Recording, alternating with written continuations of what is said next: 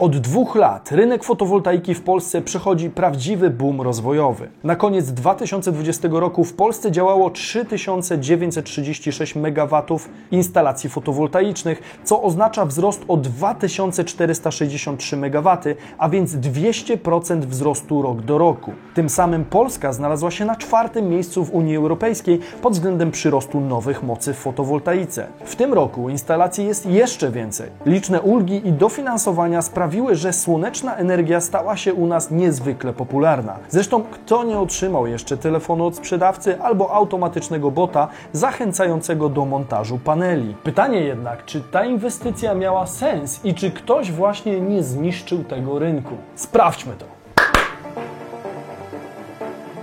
Cześć, tutaj Damian Olszewski i witam Was serdecznie w programie Praktycznie o Pieniądzach i analitycznej serii Bizon, gdzie włączamy Was do świata biznesu i finansów. Dzisiaj temat niezwykle drażliwy, bo z jednej strony związany często z dziesiątkami tysięcy złotych zainwestowanych w instalacje, z drugiej zaś strony z niepewną przyszłością zwrotu z inwestycji, którą ustawodawca może znacznie utrudnić. Zacznijmy jednak od początku. Boom na fotowoltaikę. Zapotrzebowanie na energię elektryczną jest ogromne i tego nikomu nie trzeba tłumaczyć. Przyczyniają się do tego m.in. kryptowaluty czy obecność wielu sprzętów AGD i RTV w każdym domu. Do tego zasoby surowców energetycznych stopniowo się wyczerpują. Polska zobowiązała się natomiast do zakończenia wydobycia węgla kamiennego do 2050 roku. Surowiec ten nie jest zgodny z polityką Unii, czyli w zasadzie niemiecką polityką tzw. Tak Energiewende, czyli przerzucenia się na ekologiczne ekologiczne źródła energii. Mówimy głównie o gazie ziemnym, energii słonecznej oraz wiatrowej. Przy zwiększającym się wydobyciu w Chinach, Indiach czy innych potężnych gospodarkach, które dalej inwestują w węgiel, ma to mniej więcej tyle sensu, co picie dietetycznej coli po obfitym McDonaldzie. Ale kijem rzeki już nie zawrócimy. Unia idzie w swoim kierunku, a my razem z nią. Zresztą opowiadałem o tym w szczegółach w odcinku o polskim i światowym węglu, który znajdziecie tutaj. Tak zwane OZE, czyli odnawialne źródła energii, w tym właśnie fotowoltaika, mają istotny wpływ w przejściu Polski na gospodarkę bezemisyjną. Według danych Polskiego Towarzystwa Przesyłu i Rozdziału Energii Elektrycznej na koniec sierpnia 2021 z fotowoltaiki korzystało już 688 tysięcy prosumentów. Warto podkreślić, że w 2015 roku było ich tylko 4 tysiące. To niebywała skala wzrostu.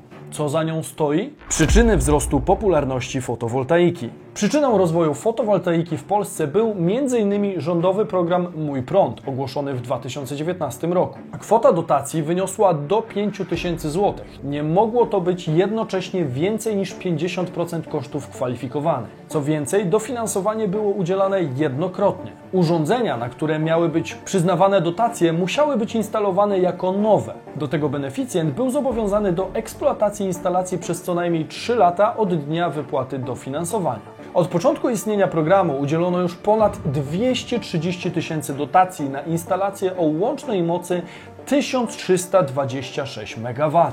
Skalę zainteresowania pokazuje też ilość zgłoszeń na trzecią edycję programu. 6 października 2021 roku, na 2,5 miesiąca przed planowanym zakończeniem naboru w ramach jego trzeciej edycji, zakończono przyjmowanie nowych wniosków ze względu na wyczerpanie się budżetu. Zresztą to nie była jedyna pomoc. Osoby zainteresowane fotowoltaiką mogły także korzystać z ulgi termomodernizacyjnej, dotacji z programu Czyste Powietrze oraz wsparcia na poziomie regionalnym, chociażby w ramach Wojewódzkiego Funduszu Ochrony Środowiska i Gospodarki Wodnej. Prawdziwy fotowoltaiczny boom zaczął się na koniec 2019 roku. Dlaczego? Jak zwykle niech przemówią liczby. We wspomnianym roku moc instalacji PV w Polsce wyniosła 1473 MW, a więc prawie trzykrotnie więcej niż w grudniu 2018 roku. Od 1 stycznia 2020 do 30 września 2021 energia słoneczna cieszyła się największym zainteresowaniem w województwach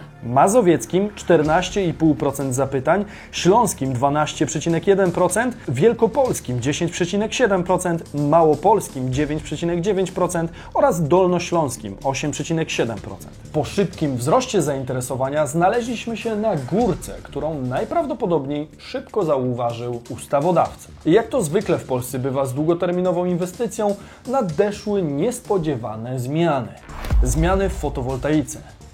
Zmiany w tym i przyszłym roku dotyczą nie tylko fotowoltaiki, ale i prawie każdej branży w związku z wprowadzeniem tzw. Tak polskiego ładu. Jeśli chcecie, abym zrobił o nim osobny odcinek, dajcie znać w komentarzu. Co do fotowoltaiki natomiast dotychczas było tak, że każdy prosument korzystał z tzw. Tak systemu opustów. Zgodnie z nim nadwyżki energii elektrycznej są oddawane do sieci energetycznej, jak do wirtualnego magazynu. Stamtąd mogą zostać odebrane przez prosumenta przez okres 12 miesięcy od wprowadzenia. Po tym czasie przepadną bezpowrotnie. Przy odbiorze nadwyżek firma przechowująca prąd potrąca 20% wprowadzonej energii w przypadku instalacji o mocy do 10 kW albo 30% energii w przypadku fotowoltaiki o mocy większej niż 10 kW. Cały proces rozliczania energii odbywa się automatycznie z wykorzystaniem specjalnego licznika dwukierunkowego, który rejestruje ilość energii oddanej i pobranej. Jak to wygląda w praktyce? Sprawdźmy to na prostym przykładzie. Instalacja w domu X o mocy 4 kW wyprodukowała 120 kW energii. Z tego 40 kW rodzina, która tam mieszka, zużyła na bieżąco. Pozostałe 80 kW trafiło do sieci. Odebrać tę energię można w każdej chwili, na przykład wieczorem czy za parę dni. Z tym, że do zwrotu będą 64 kWh. Wynika to z prostego rachunku. 0,8 razy 80 kWh daje nam 64 kWh. Bardzo ważnym zapisem był brak możliwości sprzedaży nadprodukcji z fotowoltaiki prokonsumenckiej, ale to właśnie ulega zmianie. Nowe przepisy w fotowoltaice. Od 1 kwietnia 2022 roku, według nowych przepisów, będzie można jedynie sprzedawać nadwyżkę energii i to po zaniżonej cenie. Dokładnie tak. Sprzedawca energii będzie dokonywać przeliczenia wartości odesłanej energii po średniomiesięcznej cenie z towarowej giełdy energii, odkładając wirtualne zapasy na koncie rozliczeniowym w ramach tzw. Tak depozytu prosumenckiego. Taka osoba będzie mogła użyć ich, by pokryć wartość energii pobranej z sieci według taryfy sprzedawcy. Rozliczenie będzie odbywać się w okresie 12-miesięcznym. Co więcej, jeśli wartość wprowadzonej energii będzie za mała, prosument, a raczej producent będzie musiał dopłacić. Jeśli jednak będzie posiadał nadwyżkę, sprzedawca zwróci mu część nadpłaty, jednak nie więcej niż 20% wartości energii wprowadzonej do sieci w danym miesiącu kalendarzowym, którego dotyczy zwrot. W skrócie kupuje prąd na przykład za 75 groszy za kilowatogodzinę, a sprzedaje po 66 groszy. Gdzie korzyści? Cóż, idea jest taka, że prosument sprzedaje prąd taniej niż kupuje, ale produkuje go więcej niż sam zużywa. Czy to się sprawdzi? Ciężko powiedzieć. Na pewno nie w każdym przypadku. Takim oto sposobem zmieniamy net metering, czyli opomiarowanie netto, na net billing, czyli system wartościowego rozliczenia nadwyżki energii wyprodukowanej przez prosumenta. Jak to się przekłada na rzeczywistość? Według wyliczeń z raportu Analiza propozycji systemów rozliczenia energii produkowanej przez prosumentów, przygotowanego przez doktora Jana Rączkę dla polskiego alarmu smogowego, rządowe zmiany wydłużą czas zwrotu z inwestycji o około 50 50 do 80%. W zależności od tego, z jakim operatorem mielibyśmy do czynienia oraz tego, czy w międzyczasie nie nastąpią inne zmiany w rozliczeniach. Uwzględniając ceny z 2020 roku, w najlepszym wypadku fotowoltaika spłaci się po około 12,5 latach w przypadku energii oraz w najgorszym przypadku po 16 latach w przypadku Enei. Ale ta decyzja ma wpływ nie tylko na prosumentów. Nowe przepisy dotkną także całej branży. Mówi się, że drastyczne drastyczne zmiany prawne wprowadzone w tak krótkim okresie czasu doprowadzą do wielu niekorzystnych zmian, w tym m.in. zapaści rynku, utraty miejsc pracy. Według szacunków sektor PV daje pracę około 120 tysiącom osób, zmniejszeniu wpływów budżetowych oraz spadku jakości wykonywanych instalacji, wywołanego przez boom w drugiej połowie 2021, który nastąpił najpierw po plotkach o nowych przepisach, a potem po faktycznym ich wprowadzeniu. Eksperci twierdzą także, że wybór ceny hurtowej nie do końca jest trafionym pomysłem, jeśli zakup odbywa się po cenach detalicznych. Przecież ceny detaliczne zawierają m.in. koszty bilansowania, koszty praw majątkowych, akcyzę i marże sprzedawcy. Te elementy składają się już na jakieś 15 do 20% ceny hurtowej. I to właśnie tyle wynosi realna strata prosumentów. Na tym jednak zmiany się nie kończą, bo w grę wchodzą również straty wynikające z różnic podatkowych. Przecież prosumenci kupują energię już z naliczonym podatkiem VAT. W tym wypadku słusznie zauważa ekspert dr Jan Rączka. Jeśli prosument nie jest podatnikiem VAT, jak ma to miejsce w przypadku gospodarstwa domowego, to nie ma prawa do odliczenia VAT-u płaconego w sprzedawanej energii od VAT-u płaconego w kupowanej energii. Jeśli nie będzie można odliczyć VAT-u, to prosument traci 23% od tej ilości energii, którą oddaje do sieci, a następnie odbiera w sieci w okresie jednego roku. Kolejnym problemem pozostaje fakt, że przecież cen energii w dłuższym horyzoncie czasowym nie da się prognozować. Co rusz słyszymy o kolejnych podwyżkach czy wręcz rekordowych cenach na giełdzie. W końcu jednak muszą one zacząć spadać, choćby po nasyceniu rynku energetycznego fotowoltaiką. Instalacje PV produkują prąd w tym samym czasie, przez co ceny w godzinach najintensywniejszego promieniowania będą niskie ze względu na dużą podaż. Zatem całe związane z tym ryzyko zostało przerzucone na prosumentów. Obronną ręką wyjdą jedynie elektrownie, które będą mogły zatrzymać m.in. niewykorzystane i niewypłacone nadwyżki z produkcji. Przypomnijmy, prosument będzie mógł odzyskać jedynie 20% z każdego miesiąca, bo na więcej nie pozwalają przepisy o pomocy publicznej. Są też pozytywne zmiany w fotowoltaice, o których powiem za chwilę. Najpierw jednak gorąca prośba do Was, do tych z Was, którzy mają własną instalację fotowoltaiczną.